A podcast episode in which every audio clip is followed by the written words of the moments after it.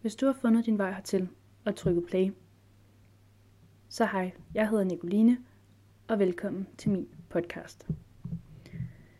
Jeg er en 19-årig pige uden det store filter. Jeg har tusind tanker, som så mange andre, og dette er min måde at forstå dem på, og derefter lægge dem på hylden.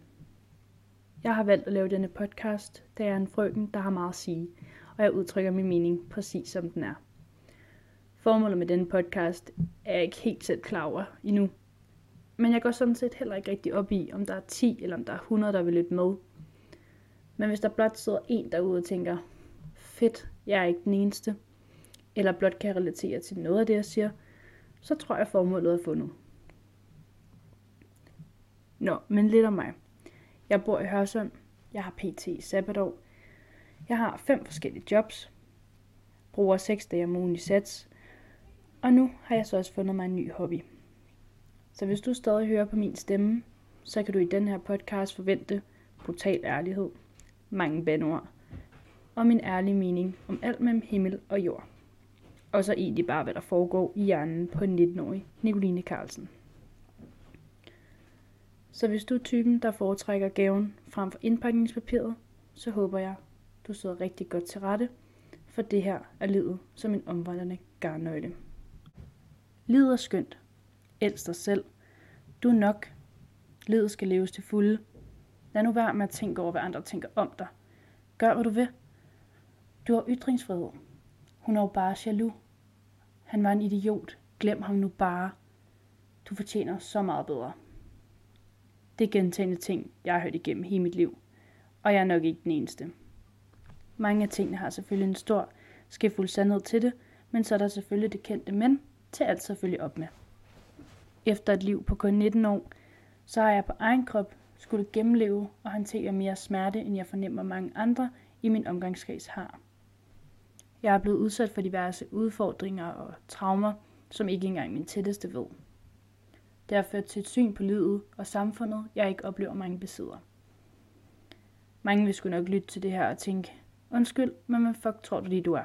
Du ved ikke en skid om livet. Til jer modsvaret, I har ret, men I tager også fejl. Jeg kan ikke kontrollere, hvordan folk tager imod mine ord, som jeg vælger at dele. Men det er som sådan heller ikke derfor, jeg gør det. For hvis jeg var bange for, at folk så anderledes på mig, eller grinede af mig, jamen så havde det her stadig stået et dokument på min computer. Selvfølgelig har man en forhåbning om, at folk, der lytter øre til ens mundlort, har en vis reaktion. Men for mig er et med ord eller bagtaleri et kompliment. Et overlegen grin udløser hjernens endorfiner, hvilket gør dig glad. En positiv kommentar udløser mine endorfiner i hjernen. Derved er hvilken som helst reaktion en win-win for mig. Jeg har aldrig følt, jeg passede ind. Ikke på grund af mit udseende, min tøjstil, eller fordi jeg ikke kunne med andre børn. Men på grund af mit sind, mine værdier, mine holdninger og min opførsel. At behandle andre dårligt har aldrig set skyggen af glæde i mit liv. Andres lidelse har aldrig fyldt mig med en god følelse, og især ikke, hvis jeg var skylden. Vi er ikke uskyldige. Det ved jeg godt. Og vi kommer alle sammen til at pålægge et andet menneske smerte af en eller anden grad på et eller andet tidspunkt i livet. Men for mig handler det her om ens hensigt og hvordan man vælger at håndtere det. Det er at kunne erkende sin fejl og samtidig vise ved handling, at man er ked af den smerte, man har pålagt den anden i, uanset om man så fucking forstår det eller ej. Det gør den store forskel. Et så populært undskyld betyder absolut ikke og en skid i min bog. Det er blot et ord. Og hvis personen vælger at gøre præcis det samme, eller det der er værre, så har det fine ord undskyld absolut ingen betydning for mig. Jeg føler, et ord, der ellers har en rimelig firkantet definition, er blevet spyttet ud med alle vindens retninger og mistet deres kurs. Ord som undskyld og det at love noget, har jeg slettet fuldstændig fra min indre ordbog. Ikke fordi det ikke betyder noget, men fordi at jeg synes, at definitionen har langt større betydning end ordet. Jeg vil hellere vise, at jeg er ked af det, eller at jeg holder det, jeg lover, frem for bare at sige, at jeg gør det. For man kan sige i og så meget, som man ved vil skåne et andet menneske for smerten ved sandheden, men sådan synes jeg ikke, det skal fungere. Sandheden kan være hård og smertefuld at høre, ja, men det er langt bedre end smerten ved at blive ført bag lyset og loddet til direkte op i ens åbne ansigt. Det er i hvert fald min mening. Så jeg synes det er på tide, at folk smider det der lorte undskyld på gaden og begynder at vise noget fucking handling.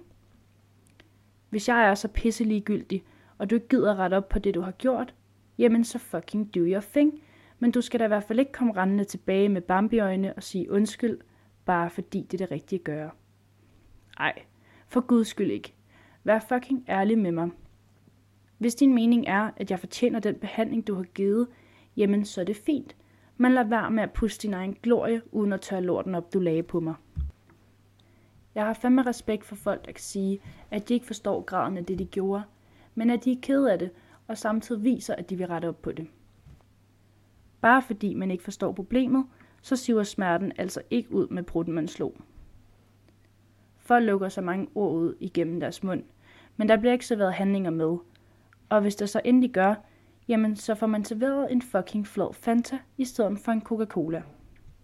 Og hvis jeg skal udtrykke det på rigtig ungdomssprog, så må dit røvhul med være misundelig på alt det lort, din mund lukker ud. Størstedelen af dem, jeg har truffet på min vej, har været uærlige, utaknemmelige eller falske. De lukker lort ud til højre og venstre, men glemmer selvfølgelig altid lige at tørre den brune streg efter. Og jeg kan i den grad ikke tælle på en hånd, hvor mange lorte, der er blevet leveret for mine fødder. Lorte, hvor stanken blev siddende, og jeg selv skulle tørre den op, smide den ud og derefter fjerne den mugne lugt. Det skal dog ikke betyde, at der ikke findes ærlige eller troværdige mennesker i verden, for det ved jeg, der gør, men det er dog ikke nogen, jeg har truffet særlig mange af. Hvis du ikke kan lide mig, så er det livet, og det skal nok komme over. Men vær nu ærlig med mig. Hvis ikke du vil omgås med mig, så bare sig det, i stedet for at shame mit navn. Man kan vel godt kalde mig rimelig firkantet, for hvis der er noget, jeg går op i, så er det principper. Du skal ikke love mig noget, du ikke kan holde. Du skal ikke sige undskyld for noget, du ikke vil eller kan rette op på. Du skal ikke sige noget, du vil gøre, men ikke gøre det alligevel. Og du skal i den grad ikke sidde og sige søde ting til mig, for bagefter at kaste mudder direkte i nakken på mig. Igen, det kan være hårdt at høre sandheden, men den gør sgu mindre ondt end uærlige ord, som man selv skal ligge og overtænke i mørket. Man kan vel også godt kalde mig rimelig krævende, for jeg har meget høje forventninger til dem omkring mig. Men alligevel vil jeg nu også sige, at jeg er ret simpel på mange punkter. Jeg griner af mig selv ved tanken om noget, jeg har sagt rigtig mange gange, for hvis jeg skal være helt ærlig, så lyder det altså rimelig cringe. Men siden jeg kan huske, har ordsproget, du skal ikke kaste med sten, hvis du selv bor i et glashus, været en sætning, der har været stort set plantet i panden på mig. Og nej, jeg siger ikke, at jeg er perfekt, eller unik, eller at jeg aldrig har såret et andet menneske før, for det ved jeg, jeg har. Jeg er lige så uperfekt som alle andre, men jeg er også lige så perfekt som alle andre. Jeg ved, at der i den grad findes mennesker derude med stor social intelligens, hårdfilede værdier, grænser og holdninger. Det er dog bare ikke nogen af dem, jeg har mødt særlig mange af på min vej. Jeg siger heller ikke, af dem jeg så har truffet, hvor værdier var fittet skævt, eller deres opførsel i mine øjne ikke var okay, af dårlige mennesker. Bestemt ikke. De mennesker, der har såret mig allermest, er stadig fantastiske mennesker, som jeg har holdt af og stadig holder af.